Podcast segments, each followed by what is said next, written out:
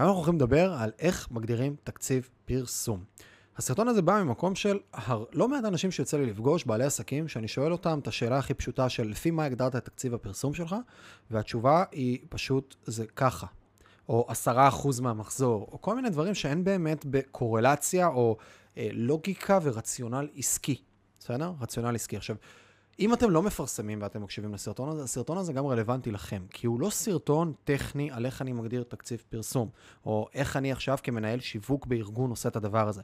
הסרטון הזה מדבר על תודעה עסקית וגישה לעסקים. והגישה הזאת היא באה ואומרת כזה דבר, התקציב פרסום שלי הוא בלתי מוגבל. זאת הגישה שאני מגיע איתה לכל פרויקט. זאת הגישה שאני מגיע איתה לכל עסק, לכל קידום של מוצר. אבל התקציב פרסום שלי מוגבל על ידי אילוצים חיצוניים שהם לא אני. או שאני מנסה לבוא ולפתור אותם, ובואו נדבר על זה רגע. מה האילוצים חיצוניים שיכולים להגדיר תקציב פרסום, או שנייה אפילו לפני? למה בעצם התקציב שלי הוא בלתי מוגבל? כי כל עוד אני מייצר החזר על השקעה חיובי על הפרסום שלי, מבחינתי, תביאו לי עוד. מבחינתי, אני רוצה לגדול עוד. אין לי תקציב פרסום כל עוד הוא מייצר לי החזר על השקעה חיובי, מה שקוראים לו בשפה המקצועית ROI פוזיטיב, return on investment פוזיטיב.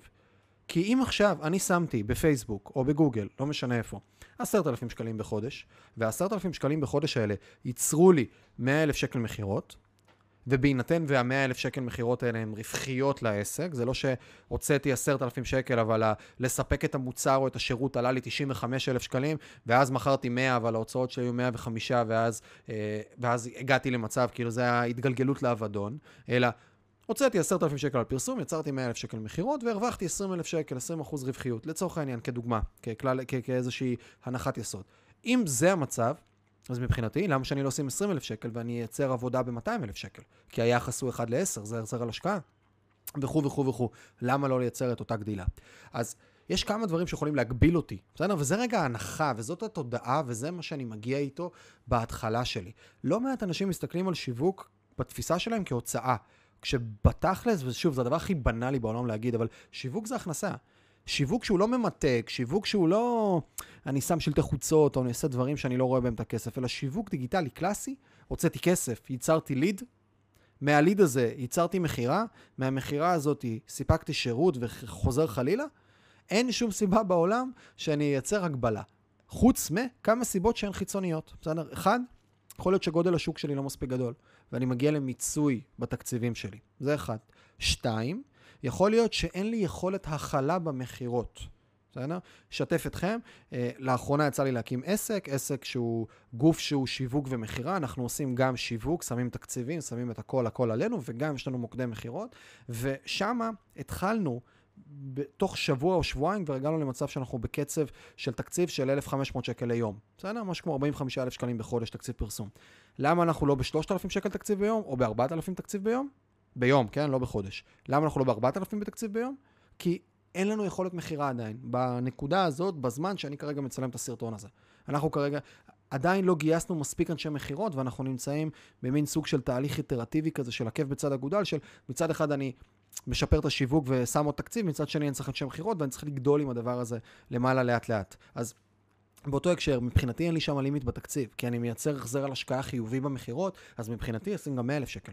לשים גם 200 אלף שקל, לשים גם 5,000 שקל ביום. לשים תקציבים מאוד מאוד מאוד מאוד מאוד גבוהים, כי מבחינתי הם מייצרים לי את ההחזר על ההשקעה.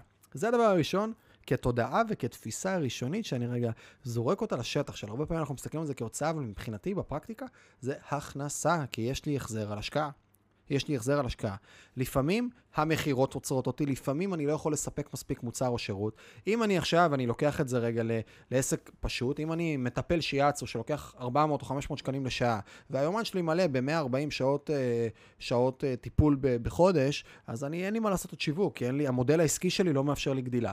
אבל בהינתן והמודל העסקי שלי מאפשר לי גדילה, או שיש לי עוד איזשהו מקום מסוים, אני מסתכל על שיווק כאיפה אני יכול, איך אני מביא עוד, תביאו לי עוד לידים, תביאו לי לטרוף כמה שיותר את השוק.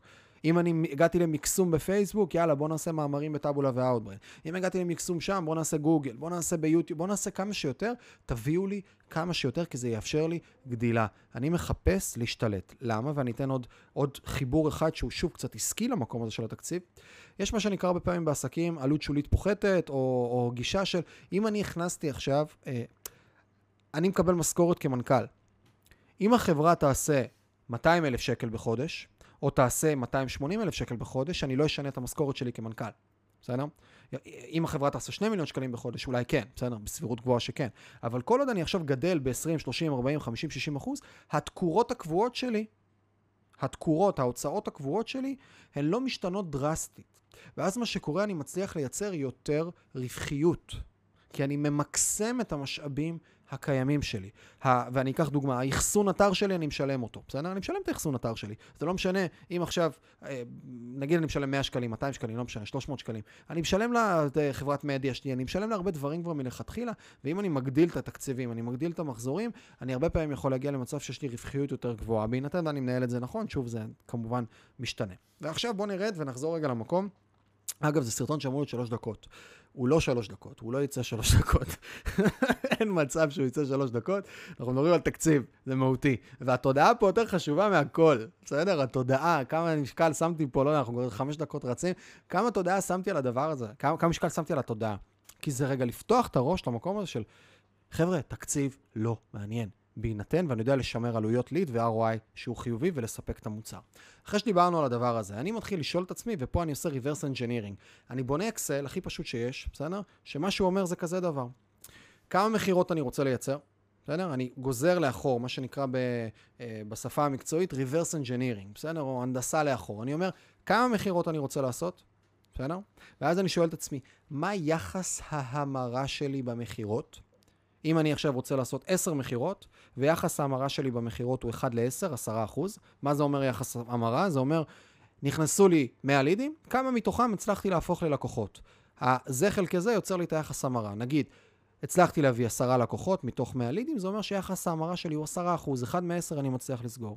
אז אם עכשיו אני רוצה להביא 10 לקוחות, והיחס המרה שלי לק... אה, הוא 10 אחוז, בסדר? 1 ל-10, זה אומר שאני צריך לייצר 100 לידים.